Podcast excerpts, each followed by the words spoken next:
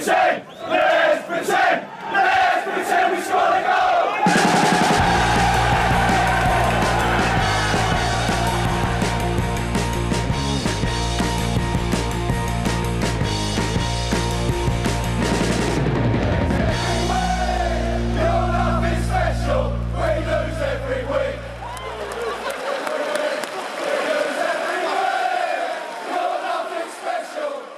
Har Sportbladets Premier League-podd, eller eh, vad vi nu ska kalla den i framtiden. Än så länge heter den Sportbladets Premier League-podd. Eh, Patrik Syk heter jag. Med mig har jag eh, Kalle Karlsson, Frida Fagerlund och eh, Makoto Asahara. Eh, vi kanske får döpa om den här podden om ett eh, par säsonger, eller lägga ner den. Jag vet inte hur vi ska resonera. Florentino Perez Invitational. Ja, Det är det vi precis. ska döpa podden till. Ehm, den, europe den europeiska superligan har eh, Nej, skickat aldrig. ut ett... Ja, Super League. eh, vad, skulle du säga? Vi, vi, nej, jag skulle bara säga att vi, vi kommer aldrig gå över på den, den mörka sidan. Det här kommer alltid vara Premierleague-podden. Ja. Jag, jag var, det var viss glimt i ögat. Ja. Okay? Visst namnförslag ska tilläggas där. Pressutskicket kom söndag natt, natten mot, eh, mot måndag egentligen, svensk tid. Eh, men, men ryktena hade kommit långt tidigare på söndagen, även utspel ifrån Uefa och Fifa. Eh, Boris Johnson har twittrat, eh, Gary Neville är arg, Gary Lineker är arg. Ja, alla är arga egentligen. Vad sa du? Ja. Prins William är arg till och med. Prins William är arg. Eh, ja. men alla är arga på det här. Eh, och det är uppenbart så att eh, det här är ju inget nytt. Det har pratats hur länge som helst. Silvio Berlusconi försökte dra igång det här på 90-talet. Det har ju liksom hela tiden funnits som eh, eh men hängt lite grann över fotbollen att ja, vi har spelat lite på lånad tid för att i framtiden kommer det ändå handla om en europeisk superliga som eh, närmar sig det amerikanska franchise-tänket eh, i alla fall. Ehm, runt eh, ekonomi för att det är mycket mer lukrativt för just ägarna i en sån modell. Och det är ju be- bedrövligt. Jag vet inte vad man ska, hur man ska resonera runt det. Jag känner lite grann att eh, reaktionen från fotbollssupportrar, det är ju många som säger jaha, reagerar ni nu? Men det har ju liksom hänt eh, hur mycket grejer som helst, varför reagerar ni inte tidigare? Men det, Eh, det är den här metaforen med, med grodan i kastrullen. Eh, man märker inte att vattnet har blivit för varmt förrän det är för sent på något sätt. Eh, det, är- det är små förflyttningar hela tiden mot någonting som ligger längre och längre ifrån det man en gång eh, liksom förälskade sig i tills att man helt enkelt inte känner igen det längre. Eh, och för många var nog det här eh, Eh, det steget kanske som eh, eh, till en fotboll som man bara helt enkelt inte känner igen längre. Sen får vi se, det är mycket kvar som ska hända och det är väldigt mycket förhandling och det är väldigt mycket hot just nu som hänger över de här klubbarna som har skrivit på. Ehm, och vi får se vad som händer framöver. Frida, vad, vad har ni pratat om hemma hos dig de senaste två dagarna? Ja, alltså det var ju en blandning av chock, precis som du säger, och eh, alltså totalt väntat också ju. Alltså chocken låg ju mer i att det var en sån detaljerad plan som lades fram med exakta datum och att man dessutom redan hade hittat en extern finansiell uppbackning. Eh, och jag har ju full förståelse för att det finns en marknad som genererar betydligt mer pengar och att de här klubbarna har störst dragningskraft i dagsläget. Men mitt problem med hela den här modellen är ju att för mig så är ju inte fotbollen som vilken annan industri som helst där företag som växer sig störst vill växa sig ännu större och då på köpet går miste om den sportsliga prestationen. Alltså fotbollen är ju något som har format vårt samhälle i hundratals år och allt som krävs numera för att bryta ner det är ju att man har en ägare som bestämmer sig för att nu vill jag tjäna mer pengar och skita i fotbollen och de tradition- traditionella fansen. Alltså jag, jag motsätter mig hela det tänket och hade önskat att det en gång i tiden hade funnits större eller ja, starkare regleringar kring vem som får äga en fotbollsklubb och vilket motiv denna har. Det finns ju bättre och sämre exempel. Och samtidigt så inser man ju att, precis som du är inne på, att det är ju ett slag som förlorades för länge sedan. Och om jag då får eh, citera Michael Cox på The Athletic så hade han ju en lite, lite annorlunda take på hela grejen och menade att inhemska ligor utan de här största lagen egentligen vore bättre ligor. Att Bayerns dominans till exempel, nu är inte de en del av Super League-konceptet men de har ju tagit över Bundesliga på ett sätt som har lett till att där själva tävlingsnerven i stort sett uteblir varje säsong. Och det är ju samma sak i Spanien med sina storklubbar. Och visserligen vann ju Monaco och Leicester för några år sedan men det var ju, det var ju undantag snarare än normalt för Frankrike respektive England. Så han menade ju självklart att den ultimata lösningen vore att införa saker som lönetak och fördela, fördela pengarna mer jämlikt, kanske banta trupperna och så vidare. Och att alla klubbar då blir kvar. Men detta var mer en ås åsikt som hör ihop med just Super League och pengarna som kommer genereras där. Och nu är det ju inte så att Premier League att de, de kan inte utesluta, eller kan och kan, de, de kommer inte vilja utesluta Big Six eftersom de, de har sålt rättigheter för enorma summor pengar för år framöver. Vad händer mm. egentligen om de klubbar som drar flest tittare, tittare försvinner? Mm. Jag tror inte att de som har köpt de här rättigheterna blir speciellt glada då. Men jag tycker inte att vi borde stänga dörren för att göra ett sista tappert försök att få till en bättre och mer konkurrenskraftig tävling. Ehm, men ja, till syvende och sist så, så grundar sig problemet i att personer som Blazers och FSG kan styra en hel idrott dit de vill av den enda anledningen att de vill tjäna mer pengar. Och det rimmar illa för min del. Det är inte, det är inte min fotboll och jag kommer aldrig ställa mig bakom den eller tycka att det, att det är roligare att se Man United eller ja, Man United mot Real Madrid kontra Norwich mot Brighton till exempel. Eh, men jag inser ju också att jag är en minoritet eller att vi allihopa är säkerligen minoriteter på det sättet att det finns stora pengar att tjäna men det är klart att det är en olycklig utveckling för hela fotbollen. Ja, eh, onekligen. Och det, det, finns så, det finns så väldigt mycket i det där som är så komplext, för jag kan inte riktigt se eh, det, det finns ju de skrivna tv-avtalen, men jag kan inte riktigt se att de här klubbarna ska kunna spela kvar i sina inhemska ligor. För att eh, ja men säg, ska Liverpool, eh, när de möter Leeds om två år, eller de säg att de möter ett bottenlag, ett, ett, ett, eh, ett Fulham eller ett eh, West Bromwich. Eh, de kommer ju ställa ut ett reservlag. De kommer ju dessutom ha så pass mycket mer pengar än de andra lagen med tanke på då den, den stadiga intäkten de får ifrån en, en sån här superliga, att de kommer kunna ställa ut ett reservlag som kommer vara mycket bättre än något utav bottenlagens första lag. Eh, så vi kommer ändå inte få se de största stjärnorna eh, och de bästa lagen i Premier League, för det kommer eh, inte vara den viktigaste ligan plötsligt för eh, den här föreningen. Eh, det... det är väl just därför man har svårt att se att det här faktiskt kommer ske att det, det, känns som att det är ändå, trots att de har sin detaljerade plan så är det ändå så pass mycket som inte riktigt är på plats och som man inte riktigt förstår hur det ska kunna gå att lösas. Mm. Så just därför så känns det väl som att det kanske ändå är tumma hot den här gången också. Att det är ett sätt att sätta press på Uefa. För vi får inte glömma bort att hela Champions League-konceptet, det är inte som att Uefa är the good guys i allt det här. Alltså Champions League var ju superligan det är ju det som man måste komma ja, ihåg. det kommer det... bli ännu mer superliga nu också i med den nya ja. modellen, alltså the Swiss model. Alltså ja. det håller också på att förändras. Så att det, är inte, det är inte som att Uefa borde liksom, eh, ja det är inte som att de står på den goda sidan och sen så den här superligan den onda, utan jag tycker egentligen nästan att allihopa är på är på den onda sidan. Eh, Men det är ju det är, det är lite så, nu kommer jag, känner jag, att det blir lite djävulens advokat från min sida, för jag är kluven i allt det här. Eh, måste jag faktiskt ärligt talat säga. Och det vet jag att många kommer att reagera på det. Att det för jag kan.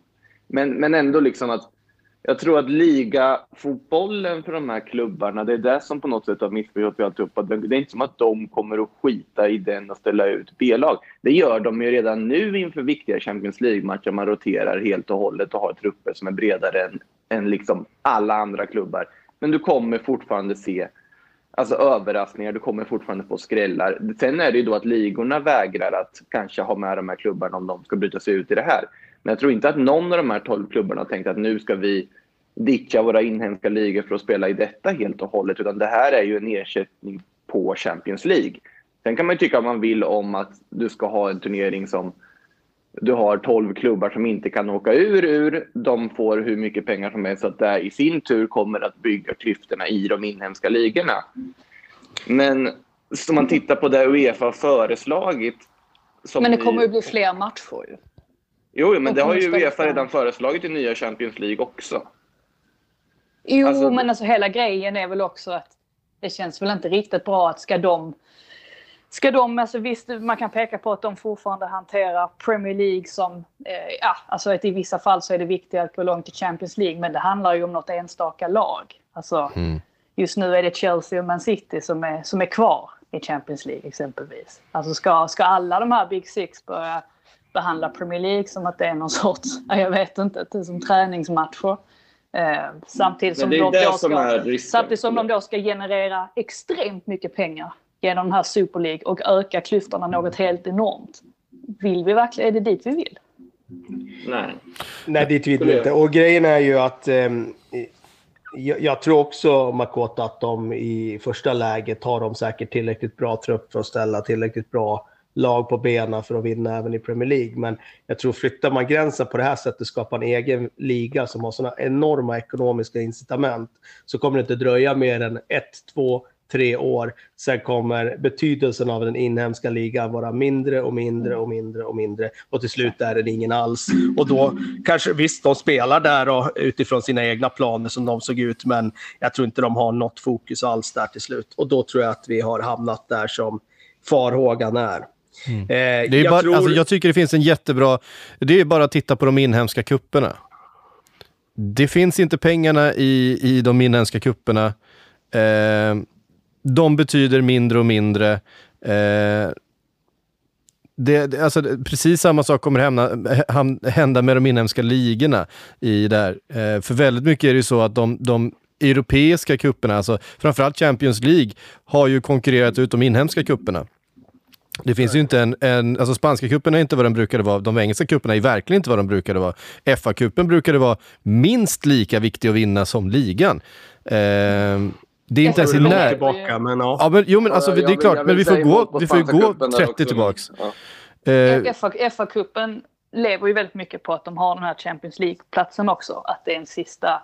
Eh, mm. Alltså för de klubbarna då som, som har, ja, men som Arsenal exempelvis förra säsongen, så betyder ju FA-cupen... Det betyder ju eh, enormt mycket mer än att det bara var ännu en trofé. Utan det var ju även liksom en biljett, eh, biljett in i, i Europaspel. Så att, mm. ja, bara flika in. Men eh, apropå det där med tomma hot, för det tycker jag är intressant. Som sagt, det, är inget nytt den här frågan. Det har ju funnits under hela 2000-talet ett eh, latent hot om att skapa den här typen av eh, liksom utbrytarliga. Och då har det känts som tomma hot, tycker jag. Mm. Alltså med förhandlingstaktik. Den här gången känns det ju som någonting mer.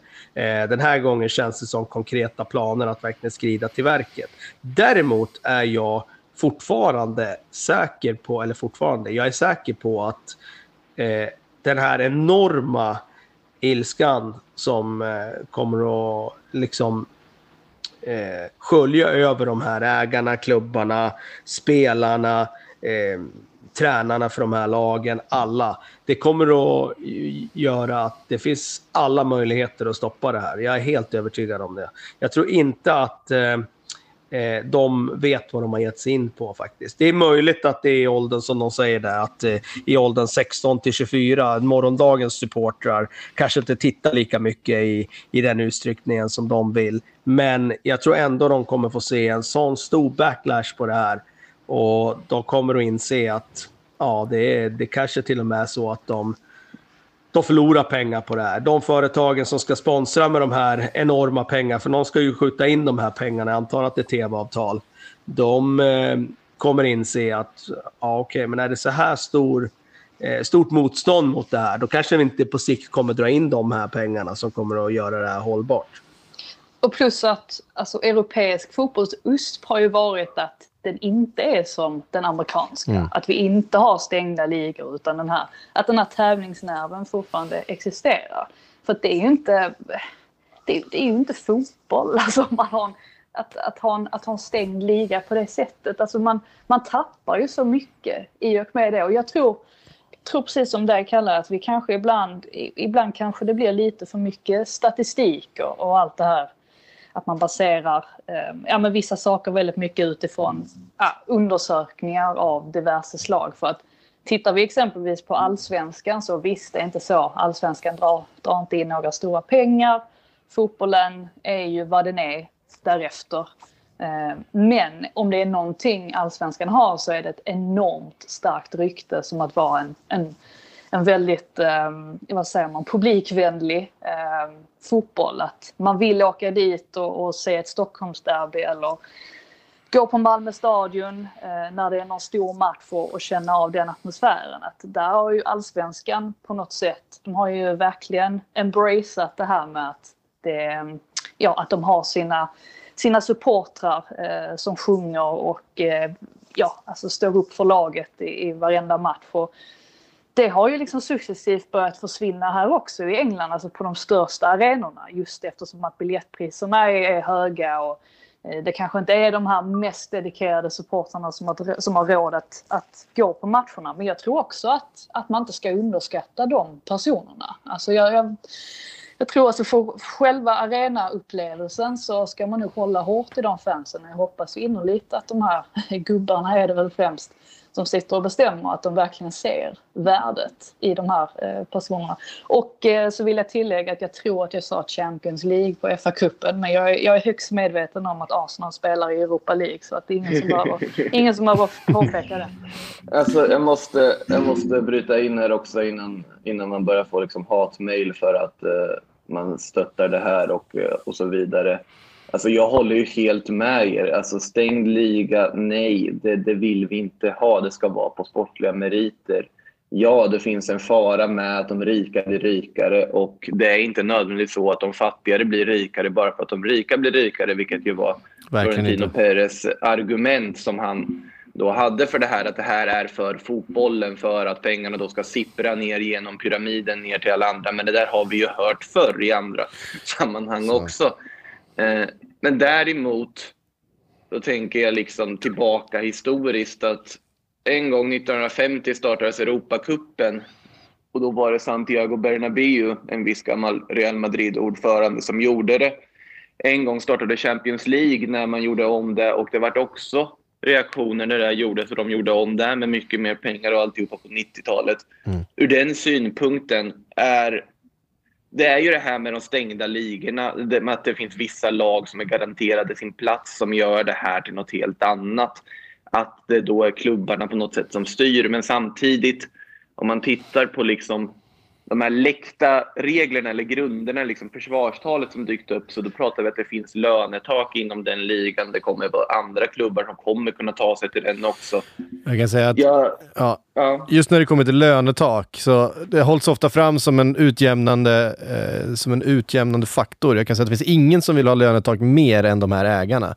Eh, därför att de vill ju betala ut så låga löner som möjligt. Eh, det är ju en av en utav de eh, mm. mest lukrativa delarna med att äga ett, eh, en idrottsfranchise i, i Nordamerika, är att det finns ett lönetak, vilket gör att eh, den där förhandlingen med de absolut dyraste spelarna, alltså det, det blir eh, en helt annan sak. Det finns mycket mer pengar att plocka ut ur föreningen för de här ägarna om det finns ett lönetak.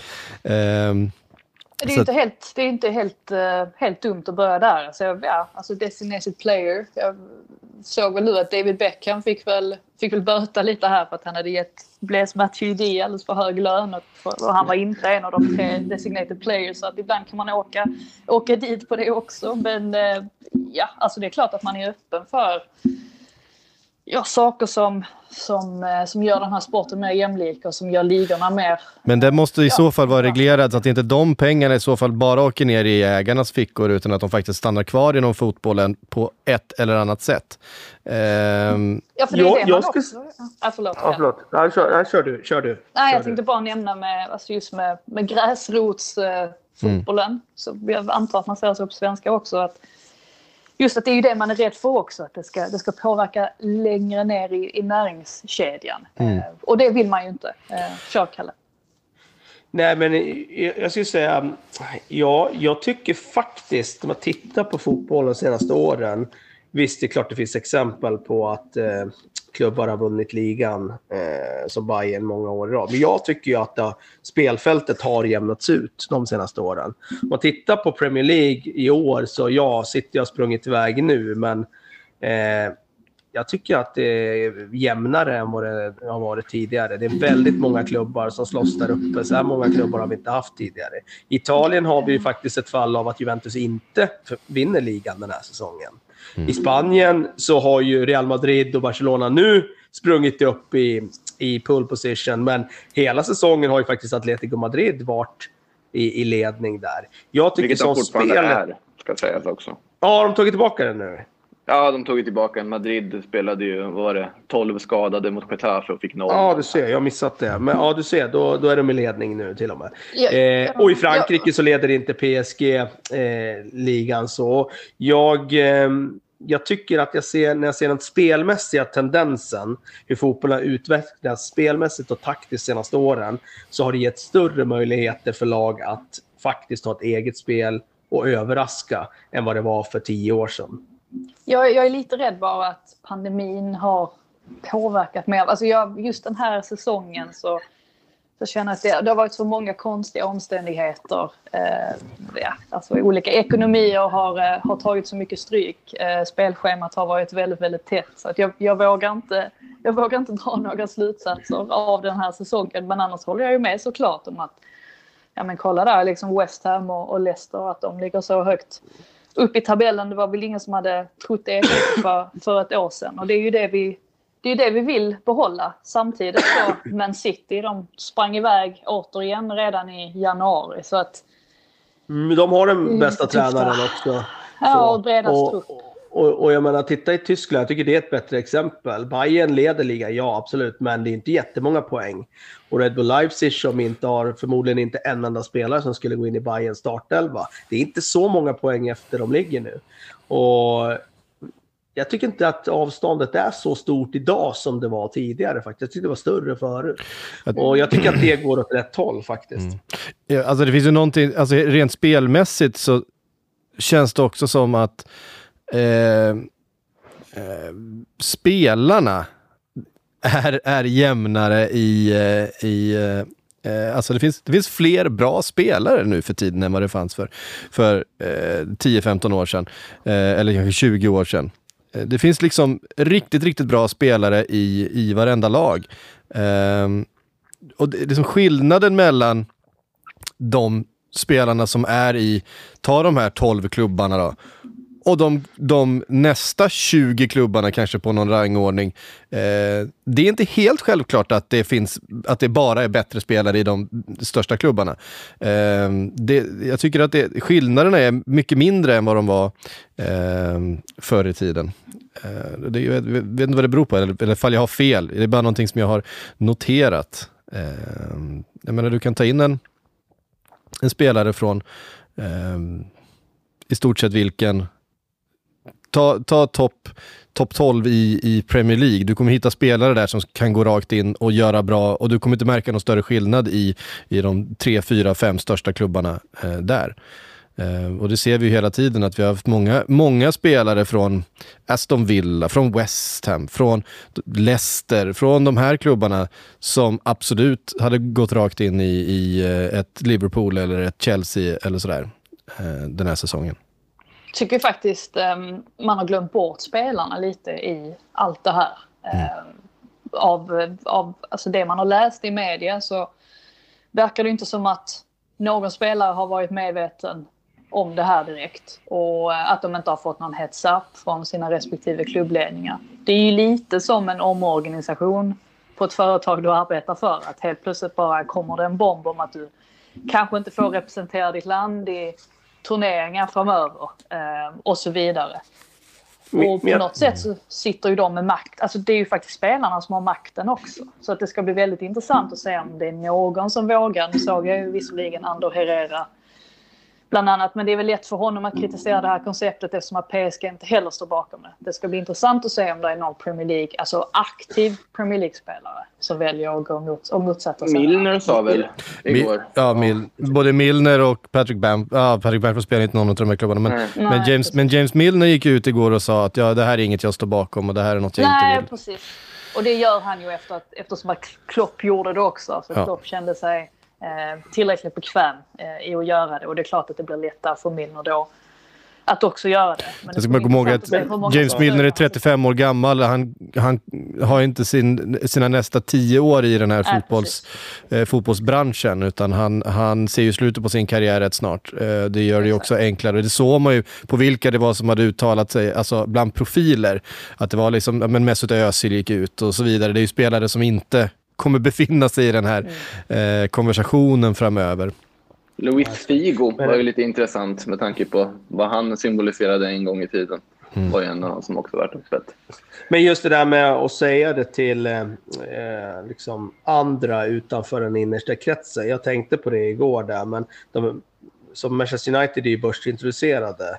Då borde ju rimligen inte få sprida den informationen eftersom det är börspå, eller aktiepåverkande information. Deras aktie steg ju faktiskt när de här planerna kom ut för Ja. att det, det, det förväntades ge högre intäkter. Så jag tror inte de får ge den typen av information eh, till någon. Eh, liksom. Så att eh, det kan vara en aspekt till att ingen har fått reda på det här.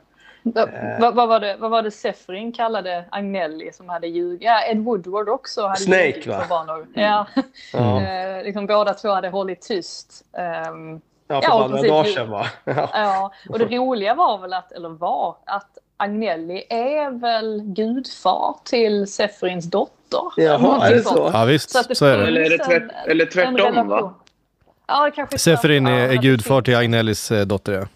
Ja, Ja, precis. okej. Vilken grej. Vilken Det grej. finns, Ja, en, det- det finns en koppling där som är ganska Men, men jag skrev ju om det lite när jag skrev om matchen igår, där Liverpool-Leeds. Att jag tror att just i det första läget så kommer ingen spelare och tränare ta till de hårda ordalagen från någon av de här klubbarna. Men så fort någon lyfter på det där locket, så fort Mm. de har ena, liksom, samlat styrkorna lite grann och talar med någon slags gemensam megafon, då kommer det komma. Jag är helt säker att det kommer bli så. De kommer att liksom...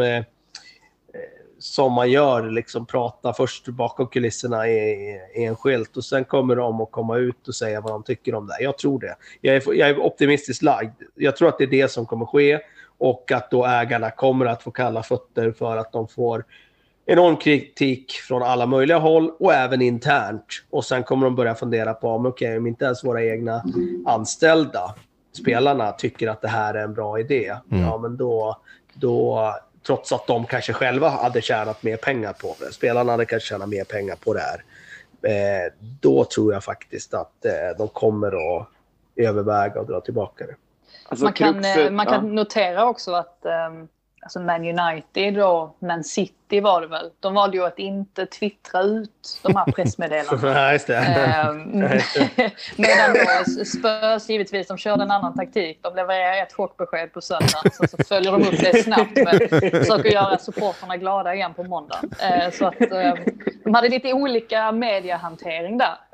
Och jag tror väl, jag kan inte tänka mig att de här styrande personerna, de har ju räknat med en backlash. Ja. Det är det som gör att jag kanske inte tror att det kommer hjälpa så mycket att supportrarna gör uppror mot det här utan att det hänger, det, det ligger lite grann eller hänger ganska mycket, precis som du är inne på Kalle, just med spelarna. Att om de lyckas ehm, ja, gå samman och komma överens om någonting ihop och sätta press ihop. Då kanske det möjligtvis kan ske en förändring. Jag tror tyvärr inte att supportrarna har särskilt stor makt i allt det här. Någonting Alltså, är som är ju- intressant är ju att det, det finns ju, det, nu snackas det ju om det där med, med, med spelare får inte delta i EM och VM. Mm. Eh, jag tänkte det, det första, eftersom jag själv är tränare, så tänkte jag det första eh, som jag kom på att tänka på, det är ju om man då skulle, om de hade infört en regel om att de tränarna som tränar de här klubbarna får inte delta i Uefa eh, ja, eller Fifa-registrerade turneringar. Då blir det ju en väldigt, väldigt svår situation för en tränare. I och med att cykeln på en tränare är ju väldigt kort. Och får du sparken från en sån klubb, ja då har du ju knappt några jobb kvar att ta i så fall. Eh, nu vet jag att de, nu såg jag att det fanns ju vissa sådana här legala eh, hinder för den typen, någon fri arbetsrätt Ja. och allt sånt där. Men eh, ja, med tanke på det där med tränarutbildningen och sådär, du vet den ska vara e Uefa-certifierad och så vidare. Eh, de skulle ju kunna liksom lägga till att alla tränare måste uppdatera sin licens, vilket man måste göra nu varannat år eller var tredje år eller vad det är. Och du vet, tillhör du inte då en klubb under Fifa-paraplyt får du inte gå den utbildningen. Ja, då har du inte rätt, då har du inte rätt att träna. Ja, det, jag tror att det går att sätta rätt stora käppar i hjulen för de som deltar i det här faktiskt. Onekligen. Och, och eh, jag tror, eh, när det gäller spelarna så tror jag att pengar spelar väldigt stor roll. Och Ja, får, så är det. Får du mer, får du mer pengar så, så kommer det väga väldigt tungt. Sen kommer det finnas en kategori spelare där just landslagsspel är otroligt viktigt. Ehm, och det hotet, ehm, det vet vi inte ens om det, det är genomförbart eller inte, men, men det hotet för många att eh, ja, men spelar du med någon av de här eh, klubbarna så eh, kommer du inte få rep- representera ett land, kommer inte kunna få representera ett landslag. Det- jag har svårt att se det hända, för det är så otroligt drastiskt. Eh, och det skulle ju vara redan nu till EM ju. Det är ju Ja, så, så, som de har uttryckt det. Det är ju, vad sa du? Jag tror inte det kommer kunna hända. Alltså att de, de bryter det. De förlorar för mycket på det också. Det, det är ju det som är problemet här är ju att Ja, blir, storklubbarna sitter på korten. ja, det, blir, det blir ju det vad... ehm, eh, ja, men vad, vad är det för stakes man vågar kliva in med här för att få till en förändring? För att eh, Uefa och Fifa känner ju att de tappar greppet om toppfotbollen om det här händer. Och Uefa och Fifa är, är två maktgalna organisationer eh, som eh, ser över sitt eget hus före dem. Alltså de är mer intresserade av att rädda sig själva än att rädda fotbollen. Det, kan, det kan vi vara väldigt säkra på. Ja, absolut. Eh, ja. Och de, de, alltså, de saltar jorden eh, före de lämnar liksom. Eh, och de skulle nog, om de känner att det här på riktigt är ett hot mot deras hegemoni i världsfotbollen och i toppfotbollen och alla de pengarna som det innebär, då är de nog beredda att ta till vilka åtgärder som helst. Oavsett om det går ut över supportrar och går ut över fotbollen. Eh, För det, det är... eh, Ja, och det, det är ju det tyvärr så. konceptet. Det är ju det senaste CL-konceptet ett bevis för också ju. Mm. Alltså där de har tillmötesgått storklubbarnas önskan ändå om att Ehm, ja, alltså man tar till den här Swiss model och helt enkelt eh, ja, se, till att, se till att bemöta deras krav. Så att man ska inte inbilla sig heller att, att det går att undvika det här fullständigt. Det är ju bara det, alltså kommer det ske en, en Super League i det konceptet? Eller ska vi, kan vi nöja oss med alltså Champions League fast ja, på ett annat sätt framöver? Mm. Och då blir det ju, alltså om man tittar på det CL-upplägget som man ska göra 2024 då införa, som nu väl är officiellt att de har tänkt att göra som ett svar på det här, så är det väl någonting liknande. Och det, sen är det ju inte samma sak och det blir ju också... Alltså jag tror att det här, stora anledningen till att det här kommer nu, det har ju såklart att göra med pandemin. För att det, det var inte svårt att övertala Juan Laporta att eh, vi kan rädda dig från dina skulder. Det var inte svårt att övertala ett Juventus som har hur mycket skulder som helst. Uppenbarligen inte svårt att övertala sex, alla Big Six-klubbarna. Och det ska också tilläggas, det är alla Big Six-klubbar. Det är inte att det är en av klubbarna, säger att det är typ Liverpool och Arsenal, som sagt nej men det här går inte vi med på. Det är allihop som Jaja. har gått med på och skrivit under det här.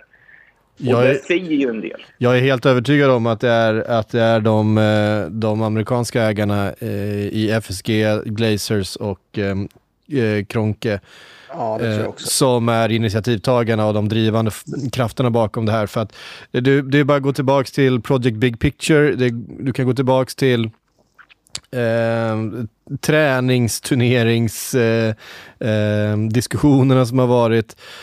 Det har varit ett problem för eh, de man måste skilja på de, på de eh, amerikanska ägarna som är här för att tjäna pengar.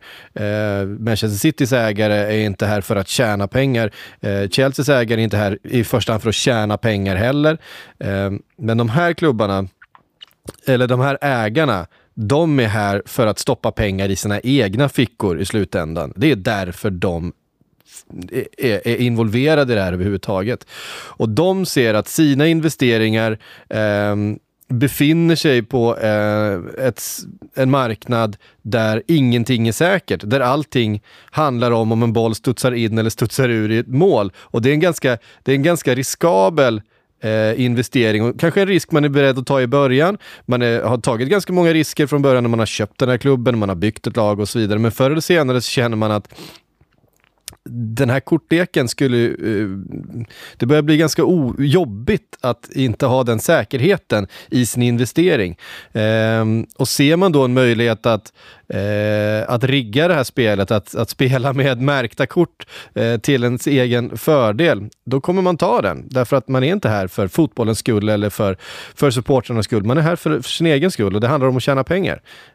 det är inte konstigare än så. Det, Ja. Det... Här vill man ju ändå flika in också att alltså, oavsett hur, hur illa Arsenal har skötts, alltså både på och utanför planen under senaste årtiondet så, så är det ju ändå en klubb som har levt alltså, inom sina, sina egna medel och förhållit sig till financial fair play. Alltså Wenger, det var ju många som skrattade åt honom eh, under hans eh, sista år där när de, de höll i plånboken och, eh, ja, och inte liksom spenderade en massa på, på spelare och försökte ta sig tillbaka till toppen på, på ett sätt, och, och, eller på det sättet. Och det är klart att Krönke, han är absolut ingen, ingen idealägare och han bryr ju bara om sig själv. Men ska man vara helt ärlig så, så har ju faktiskt Arsenal, de har ju ändå ja, alltså levt inom sina medel. De har ju använt de medlen som de har haft. Mm. Eh, till skillnad då från, från några andra klubbar som har ju spenderat otroligt mycket pengar för att ja, ta sig till toppen. Ja. Sen är något som jag tycker är intressant också. Vår vän Florentino Perez här gick ut och eh, hade något intressant citat här. Att han tycker att det här är, ja, som han, ur hans synvinkel så tycker han att det här är planer som har kommit till för att rädda fotbollen som han säger. Mm. Eh, och i grunden handlar det väl om att klubbarna har fått en hård smäll av pandemin här och drar inte in lika mycket pengar. Jag vill bara skjuta in att om det nu är så att de har förlorat pengar av pandemin, om det nu är så att, eh, som de menar på, på i undersökningen, att, att unga människor i åldern 16 till 24 inte tittar på fotboll, inte lika intresserade, de vill bara ha stora matcher. Det innebär ju att produkten inte är lika attraktiv längre då kan man faktiskt sänka löner. Det är inte någonting som står mm. någonstans att man inte kan sänka löner för någonting som inte drar in lika mycket pengar längre. Eh, och det är ju så, jag menar, det är ett ganska tydligt exempel här nu med Barcelona och Laporta som kommer tillbaka till Barcelona och det är väl, antar jag då, mission i sommar att få behålla Leo, Leo Messi här. Mm. Men det är ju en förhandling. Leo Messi är jättebra, eh, men han är faktiskt rätt gammal nu det finns ju faktiskt ett scenario där Barcelona kan säga att nej, men vi har inte de pengarna eh, längre. Vi, vi väljer att gå vidare. Mm. Och den klubben då, och då är Messi på marknaden. Absolut, då är Messi på marknaden. Det, då är det ju också en förhandling med hans nästa klubb. Det är ju inte så att Messi bara kan säga jag ska ha de här pengarna och alla måste betala. Det är ju fortfarande en förhandling det, det är ju ingen mänsklig rättighet för de här Nej. klubbarna att fortsätta Nej. vara så här rika och det så här det stora. Det irriterar mig och det, du sätter ju verkligen huvudet på spiken där kring hela det här problemet som vi har inom fotbollen idag. Att det styrs på det här sättet och att vi har accepterat det under så lång tid. Och det är som sagt, det är inte fotboll för mig. Alltså det är inte... Men här blir ju också en aspekt, alltså jag håller helt med dig Kalle, fullkomligt. Det är liksom bara grunden att lönerna har ju skenat iväg överdrivet och summorna har skenat iväg. Det kan ju alla hålla över, vara överens om. Men problematiken är på något sätt som får de spanska klubbarna att initiera det här har ju också att göra med att under pandemin när spanska och italienska klubbar som har spenderat för mycket tidigare och satt sig själva i sitsen till stor del eh, tittar på vad Big Six i England gör. Naturligtvis, de har fortfarande ekonomiska bekymmer, men de har ju en helt annan säkerhet i form av det enorma tv-avtalet, i form av allting runt omkring. Att det här på något sätt blir något desperat drag av Florentino och Madrid att på något sätt rädda sin status som en av de världsledande klubbarna. Sen kan man tycka absolut vad man vill om det. Men det ligger något i att jag tror att ändå pengarna som har funnits i England utan dem, utan att de klubbarna hade haft det som de har haft det liksom här, så tror inte jag att vi hade fått det här på det här sättet nu. Nej, så är det. Och det är, det är väldigt tydligt här att, att klubbarna kommer in med lite olika ingångsvärden i det här, med lite olika motiv. Eller motivet är hela tiden att tjäna mer pengar. Det är motivet för alla de här klubbarna. Men av lite olika skäl. Eh, för Real Madrid och Barcelona så har de sett att produkten La Liga har varit för svag i, i jämförelse med produkten Premier League. De behöver någonting mer. De behöver fler, de behöver fler Champions League-matcher för att inte halka efter.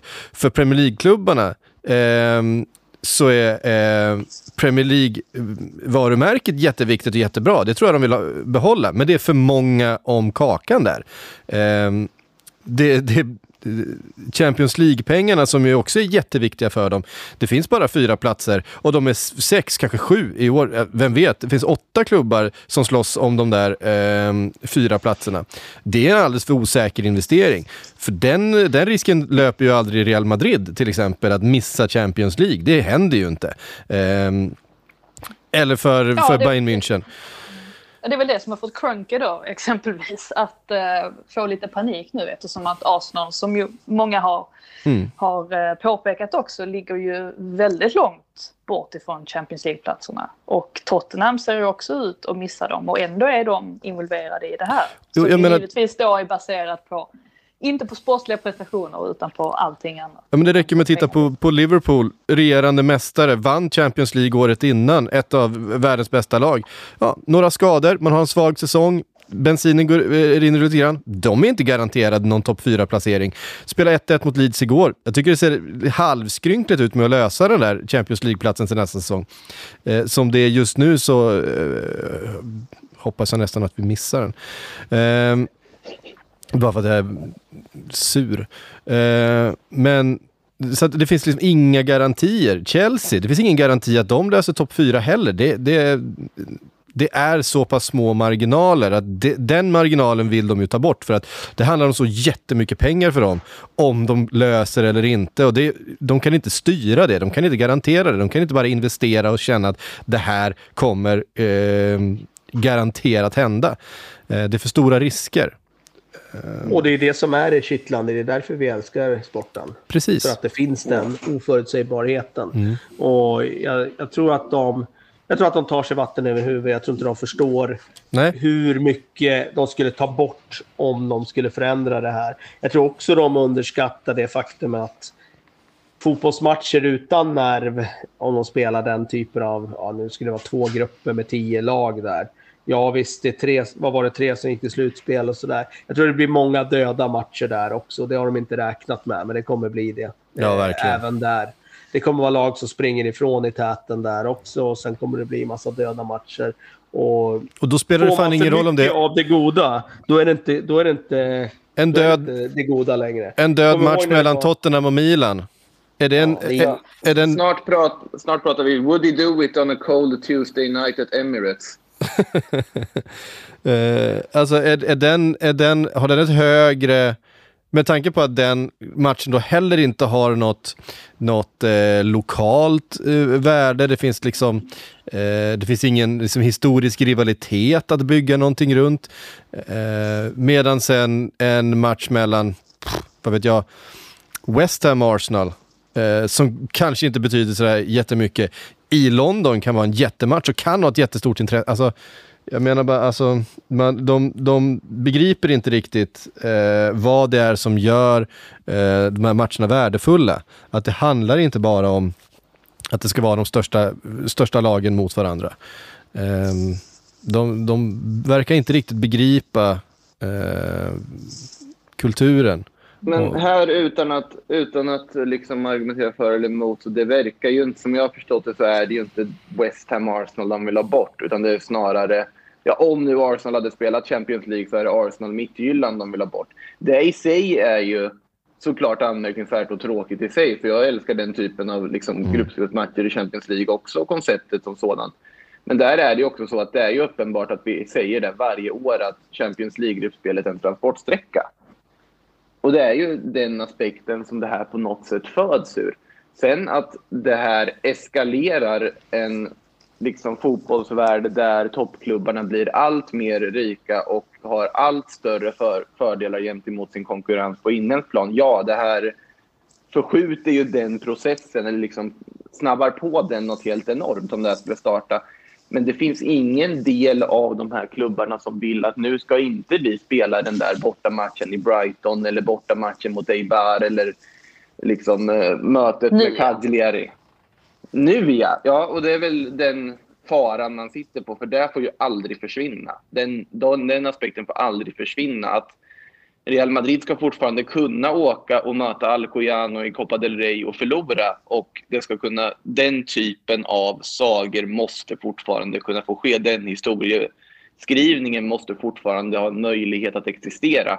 Och det är ju där farhågan såklart ligger, att man tittar längre fram i tiden. Att vad kommer det leda till i längden? Det jag hoppas och det jag tror, och kalla mig naiv om ni vill, men det är ju att det här bara är en utveckling av Champions League. Ja, det är en utveckling som gör de rika rikare, men att det är just där är snarare än en död för den inhemska fotbollen. Men jag kanske är naiv här. Eh, Det var ju lite, lite kul ändå att det snabbt dök upp fake-konton som eh, spred fake news då att José Mourinho hade lämnat Tottenham, vägrat gå ut på träningsplanen med sina spelare på grund av Super League och att det var anledningen. Snälla människor, kolla en extra gång på alla tweets som, som sprids eh, av den här typen av konton. Det var ju såklart inte sant. Ja, nej, det var, det var inte så det var. Eh, och eh, ja, José Mourinho eh, är mycket, men någon slags eh, moralisk gatekeeper. Det, eh, det, Det var, ju lite sött när han, skulle, när han hade liksom hela pressuppbådet där, när han skulle lämna arenan. När han stod och filmade alla på sin Instagram. Såg ni det klippet? Ja, det gjorde. Ehm, faktiskt också, ehm, jag tror inte att det är en hel... Att, jag tror faktiskt inte att det är en slump ändå att Tottenham bestämde sig för att släppa det pressmeddelandet under måndagen. Alltså jag tror inte att det var...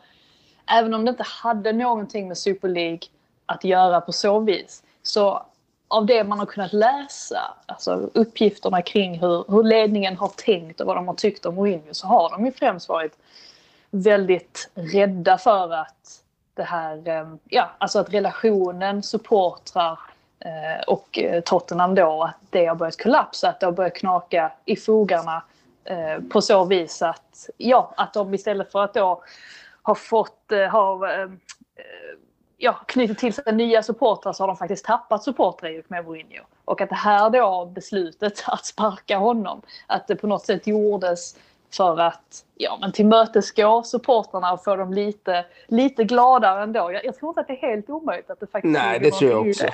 Det Ja. tror jag också. Det är alldeles för mycket sammanträffande för att det Precis. ska vara helt så. Men det är det man måste ifrågasätta där, för jag antar att vi går över på Mourinho-grejen nu. ja, det kan vi göra. Eh, det är ju faktiskt från början eh, Daniel Levis omdöme. Han är ju ändå känd som en väldigt, väldigt skarp affärsman och duktig på att eh, ha drivit Tottenham med mindre resurser än de andra storklubbarna och gjort det väldigt bra under många år. Bra på att rekrytera. Pochettino var ju såklart en eh, fullträff. Hur kunde han gå så snett med den här rekryteringen? För han sa ju i dokumentären, och det ska man inte lita på varför han säger det då, det han har ju inte an- anledning att säga, att han hade anställt en av världens topp, eller att Mourinho var fortfarande en av världens topp två tränare. Och i min värld så var det ju så länge sedan som han blev omsprungen. Det var så länge sedan som han var utdaterad. Det var så länge sedan som han faktiskt eh, kändes väldigt passé. Och ja, jag var jätteförvånad över att han fick eh, ett så stort jobb efter Chelsea redan.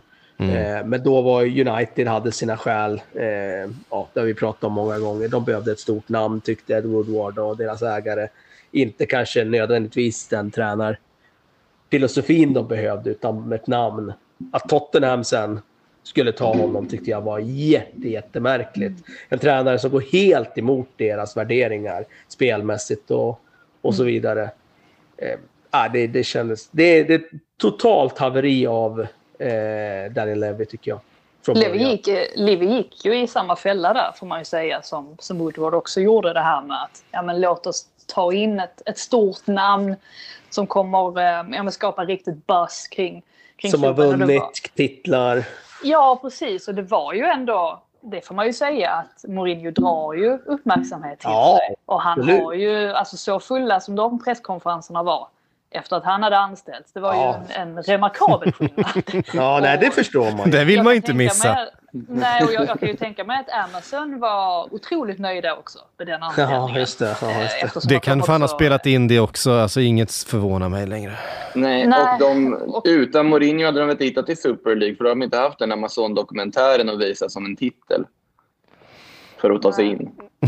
Eh, och, ja, och grejen är ju också att, ja, men precis som du säger Kalle, att just det här hur, hur ehm, att det var raka motsatsen gentemot Pochettino. Och man har ju sett det lite också på den här spelartruppen, alltså hur de har eh, ja, alltså beklagat sig över Mourinho. Det har ju skett lite i etapper. Alltså i början just den här eh, tough love som Mourinho kör med, ja men det funkade. Det funkar på vissa spelare. Eric Dyer pratade ju om att det gav honom en liten skjuts faktiskt av att höra. Men om Mourinho kom fram till honom och sa till honom i princip att du har varit usel sen du kom tillbaka från skada och sen gick han bara därifrån.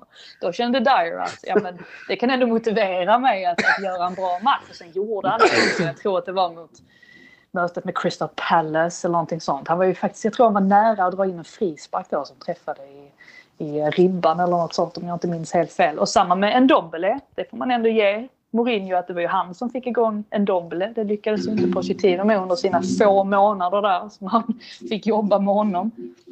Ehm, så att det är klart att det har funkat ibland ju. Och så köra den taktiken. Och det sades väl också att Harry Kane var den spelaren som inte vände honom ryggen. Alltså som stod för Mourinho ända, ända in mot slutet. Och det är väl klart att det är enkelt för Harry Kane eftersom han är lagets viktigaste spelare. Och det enda han bryr sig om är väl att han får spela. Och sen så ja, har han då en god relation till Mourinho så finns det väl ingen direkt anled, anled, anledning för honom att kritisera Mourinho så, eh, så öppet.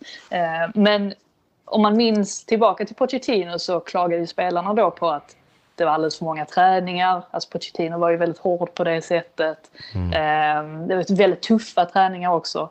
Och nu helt plötsligt så har, ju, har det ju gått till att Eh, Eh, ja, alltså att man har tyckt eh, nästan att det har varit för, kanske inte för få träningar men att det har fokuserats på fel bitar. Jag såg någonting om att spelare var irriterade på att man hade haft genomgångar där man eh, jag pratade om hur man skulle försvara försvara inkast mot Liverpool eh, alltså i flera timmar. Och spelarna menade på att de vill inte sitta där och prata i timtal om hur vi ska försvara oss mot motståndare hela tiden. Alltså hur ska vi, hur ska vi spela mot dem när vi har bollen? Och att de principerna som de använde i alltså de anfallsstrukturerna till exempel, att det var från Pochettinos tid snarare än då Mourinhos.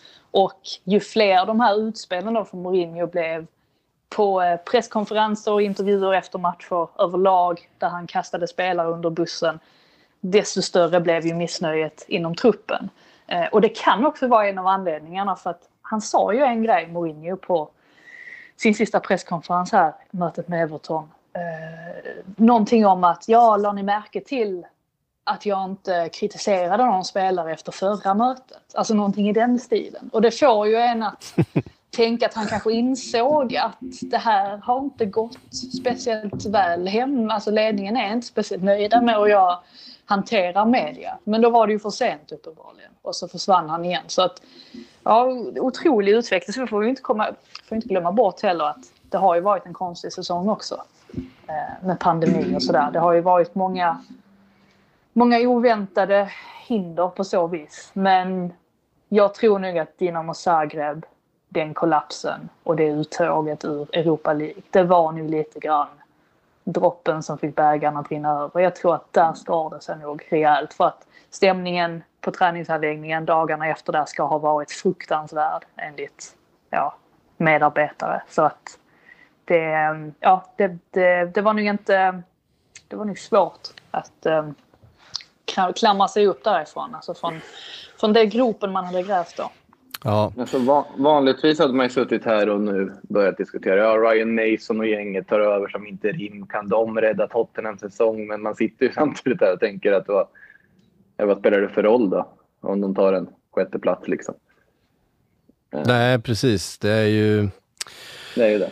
Eh, det är ju det och det får vi se vad allting tar vägen men just nu känns, känns ju själva fotbollen lite sekundär och det är ju jävligt jobbigt. Eh, Ja, det är ju trist att en sån här stor grej liksom hamnar i skuggan av det andra. För att, Ja. Jag menar, Mourinho sparkad, det är ju en sån där grej som hela fotbollsvärlden pratar om annars.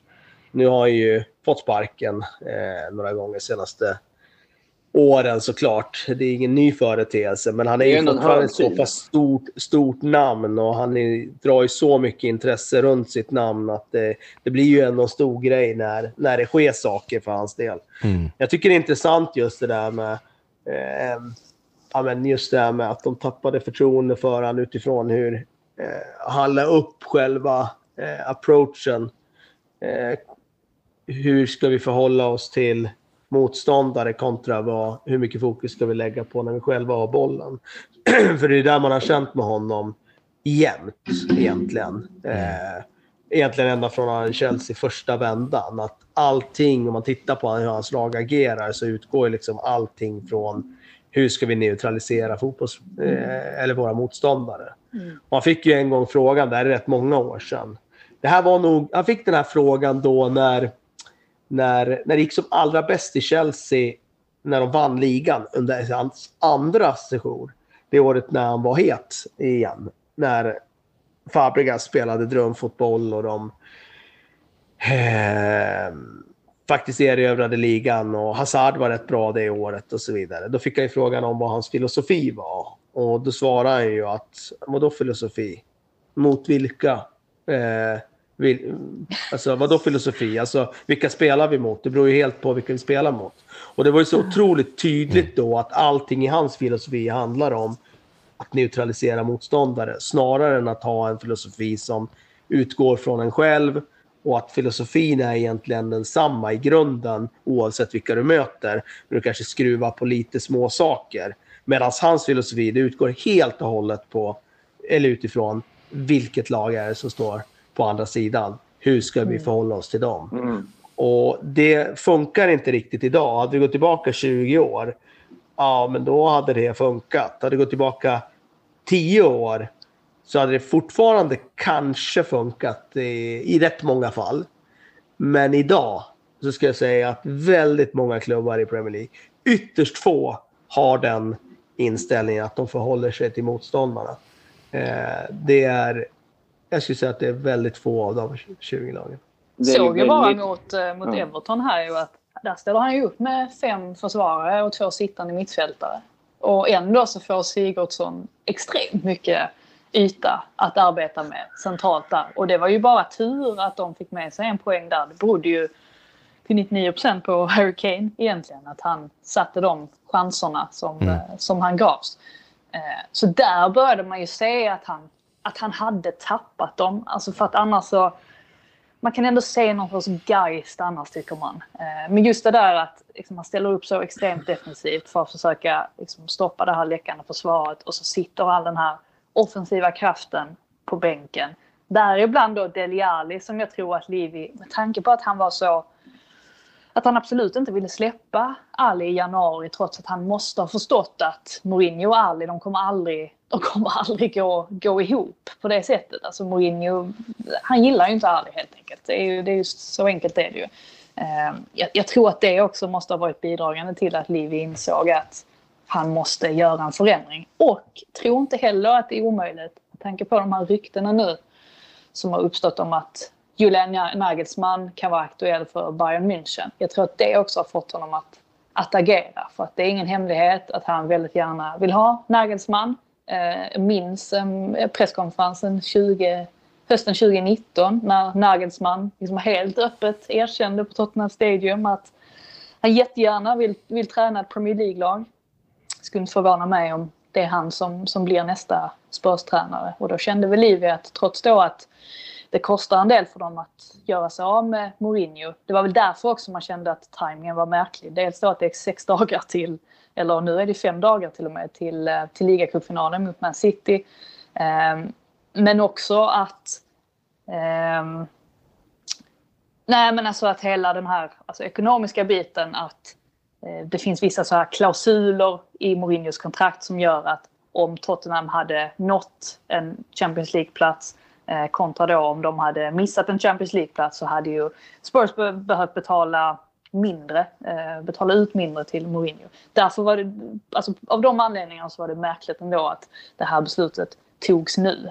Eh, men som sagt, jag tror att eh, det finns en vilja att gå ganska hårt efter Nagelsmann. Det har ju pratats om Brendan Rodgers också, men frågan är om han inte är lite för nöjd i Leicester just nu. Att det kanske inte finns en sådär jättestor anledning för honom att, att lämna klubben och då är det kanske bättre att, att gå för Nagelsmann. Så vill man kanske göra en liten Chelsea också. Eh, man såg hur bra det gick att plocka in en tysk tränare eh, dit. Så att eh, det är kanske den linjen man, man testar nu istället för att gå på ett eh, ja, ett av de största, största namnen som man gjorde förra gången. Jag eh, måste tyvärr avlägsna mig till ett möte här så jag kommer mm. att lämna er lite i förtid. Men jag måste bara först klargöra Nej, jag är inte för Super League. Alltså jag, men jag försöker titta på det på något sätt nyanserat, se liksom anledningarna. men bra. jag är inte för det. Så bara liksom vill klargöra det för alla som lyssnar och tro att jag sitter här och klappar Pe pappa Perez som axeln och bara kör. Nej, jag tycker det är bedrövligt också, men jag, jag kommer inte bojkotta det. Det är lugnt Makoto, du, du kan nog sova, sova lugnt i natt. det, det känns viktigt ändå att poängtera en sån här tid. Ja. Men eh, nu var jag tyvärr inte höra Fridas fina sammanfattning av City-Chelsea, men jag får lyssna i efterhand. Det får du göra. ja. jag, jag, jag, ser så här, apropå det här med att se saker uh, ur det andra perspektivet. Uh, News and Star uh, skrev ju en artikel med rubriken Eh, reasons why a European Super League would be great for football. Och så var det bara ja. två, två meningar i, i artikeln. There aren't any. End of article. ja. ja. Ganska bold att skriva det. End of conversation for me. Vi hörs allihop. Japp, det gör vi. Ja. Um, Ja, men vi, måste, vi måste riffa lite mer på, eh, på Mourinho känner jag ändå och på Tottenham och vad som händer. Eh, om vi får spekulera lite då. Nu tar ju Brian Mason över eh, resten av säsongen här, vilket jag, vilket, vilket, vilket jag gillar. Alltså, det är ju fantastiskt med tanke på den olycksaliga karriären, eh, väldigt sympatiska Ryan Mason eh, i, gick när han, när han skadade sig och var tvungen att lägga sina fotbollsskor på hyllan så är det ju eh, glädjande att se honom liksom tillbaks på den stora scenen och i en klubb som, han, eh, som har betytt så mycket för honom och eh, där han ju är fostrad. Så, och att han är så ung fortfarande. Det är ju det ja. som är helt sjukt. Han är 29 bast. Liksom. Mm. Så ja. Men han får väl hjälp, eh, får väl hjälp av Chris Powell också va? Om man inte är helt... Ja, precis. Det stämmer. Det stämmer. Eh, gamle Charlton-managern. Han såg man precis, många gånger ska ni veta. Ja, det, så det, mm, det var faktiskt en, en bra tränare. Oerhört gott intryck av honom där säsongen 20, 2012 eller vad det var. Ja. Um, men eh, det är väl inte en det, det, det, kan ju inte vara en, eh, en långsiktig lösning med, eh, med eh, det partnerskapet. Ehm, det ska ju in en ny tränare till sommaren och då, då vill man ju ha tre namn. Och jag vill att det ska jag, vara någon... Jag, jag, jag gav ju dig två ju. Ja, jag vill ha ett till. Ja, det har ju snackats om Nuno av någon märklig Vem? anledning. Nuno, Nuno Espirito ah, okay. Santos. Ja, det, det, är ju väldigt intressant eftersom han inte heller står för någon offensiv fotboll. Och Tottenham går ju nu från en, en tränare som eh, har ansetts vara alldeles för defensiv för deras approach. Men jag, jag, jag, måste understryka det där med att det är inte alltid folk kan göra den bedömningen. Alla är inte kapabla att göra den bedömningen. Eh, uppenbarligen inte eftersom Nuno kopplar samman då i så fall med Tottenham. Eh, jag, jag skulle bli jätteförvånad om de gick på mm. honom mm. eh, efter att ha haft Mourinho. Eh, dagens band är säkert... Inte. Ja. Nej, säkert bara, ja. Och det är bara att gratulera in. om de får honom. Ja, nej, fortsätt. nej, men det är ju bara att gratulera om de får Nagelsmann. Då, då tror jag att då, då har de lagt beslag på en av de tränarna. Men är inte han... är inte han klar för Bayern München redan, Nagelsmann? Ja, det kan ju vara så. Det kan ju vara så.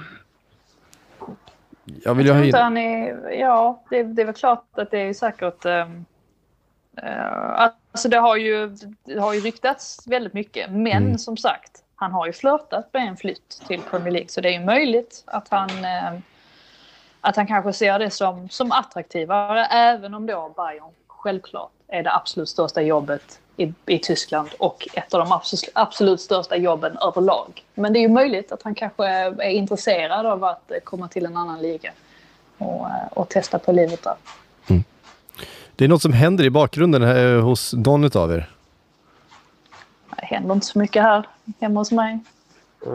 Det kan vara här i bakgrunden som det är lite ljud. Ja, jag bara noterar att det är något som, något som händer. Ehm,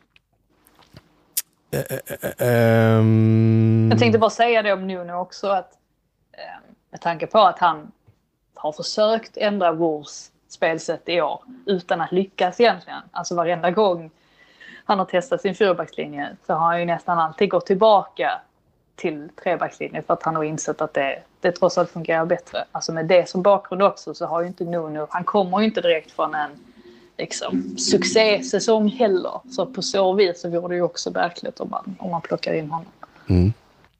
Ja, ska vi eh, säga någonting om, eh, om eh, resultaten? Alltså bara en, en detalj till med, med just eh, Tottenham och Mourinho. Tottenham ska ju faktiskt spela en ganska viktig match här till helgen. Eh, Om den inte blir eh, avblåst. Det var ju faktiskt en intressant take av Gary Neville där. Att han tyckte att den skulle blåsa av hela Carabao Cup-finalen här. Mm. För Ja. att eh, ja, bara göra ett statement. det, Ja, det, det tror jag inte kommer hända. Nej, det tror inte jag heller kommer hända, men det hade varit kul. Jag, eh, jag, ska, jag akkrediterade mig till eh, Tottenham Southampton på onsdag och tänkte väl i eh, ja, förra veckan när jag gjorde det att ja, det kan väl vara kul att gå på den. Men nu tycker jag ju verkligen att det ska bli väldigt intressant att gå på den matchen och eh, se om de ja, hinner förändra någonting. Alltså vilket sätt de kommer att ta sig an den matchen på. Och sen är det ju självklart då att ja, ligacupfinalen blir ju också blir också ganska intressant. Nu lär de väl klara sig utan Harry Kane med tanke på att han utgick skadad där mot Everson såg väl inte helt bra ut. Och det vore ju givetvis, ja, då har man ju ett, ett jätteavbräck minst sagt. Mm. Eh, onekligen. Ska vi säga någonting om fotbollen som spelades i, eh, i helgen då? Det finns väl inte jättemycket som på något sätt eh, tar sig igenom bruset eh, från den här helgen. Men eh, Manchester City-Chelsea eh, var ju ändå en, eh, eller Chelsea-Manchester City ska jag säga. Eh, Ingen skräll, men eh, drömmen om en kvadruppel tog slut före eh, Eh, ett pressutskick eventuellt tog slut på den eh, för Manchester City.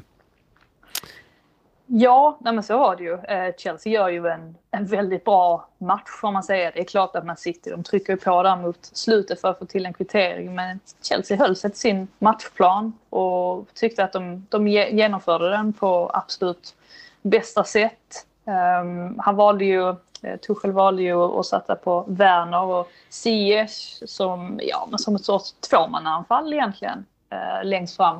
Eh, De spelade ganska brett i och för sig. Och eh, Werner då kombinerade väldigt mycket på, på vänsterkanten. Och det var ju så målet kom till också.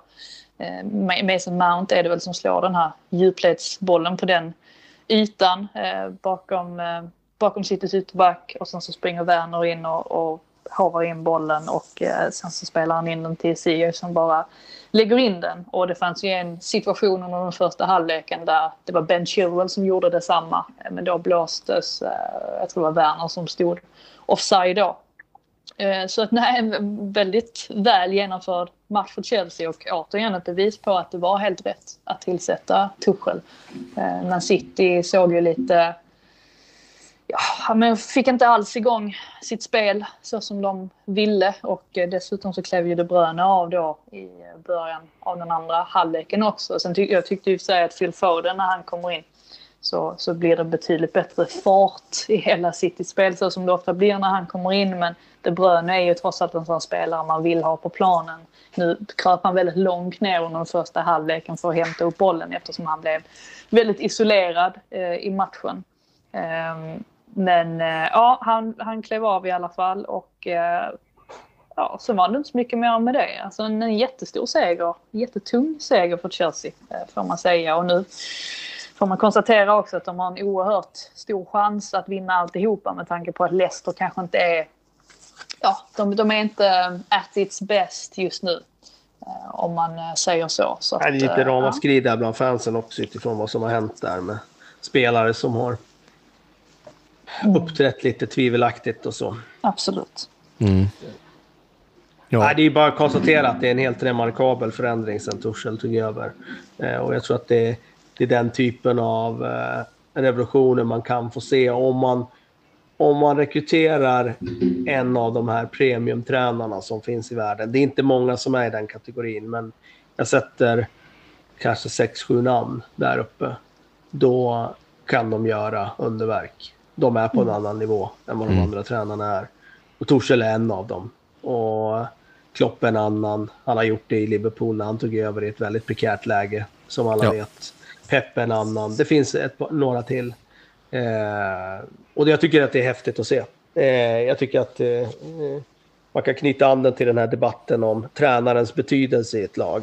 Vissa hävdar ju att tränaren inte har så stor betydelse, men här och där får vi exempel på att ja, eh, det finns faktiskt exempel där det har helt enormt stor betydelse. Eller helt avgörande helt enkelt.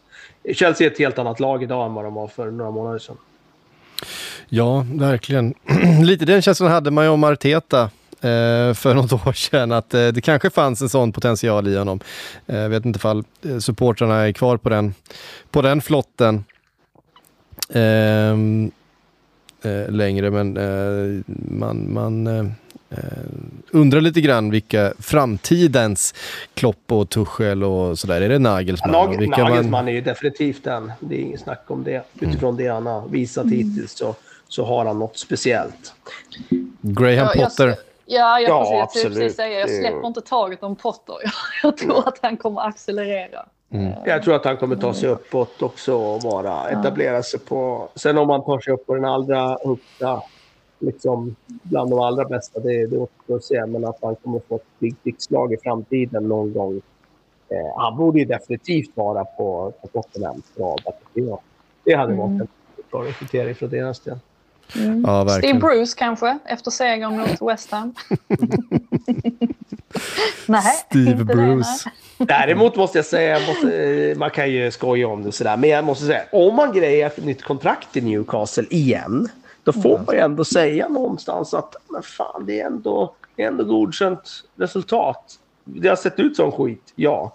Men det är ändå godkänt utfört arbete. För att det är inte så att de har något superlag på något sätt. Ska Nej, alltså, har, har, har man bara sen maximum på, på planen, man kommer rätt långt med det. Eh, har man insett nu när man har sett Newcastle de här senaste, senaste matcherna. Sen, sen står ju West Ham för en, en av de mest bisarra halvlekarna vi har sett dem göra den här säsongen. De har visserligen tappat. De har gjort några bisarra halvlekar.